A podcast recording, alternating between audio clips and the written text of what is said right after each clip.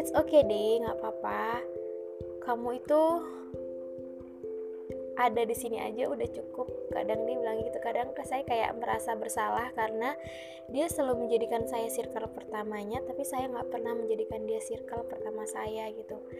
Dan ketika dia fast respon saya lebih merasa bersalah karena saya sampai detik ini kayak belum maksimal gitu fast respon sama dia gitu. Waktu dia bekerja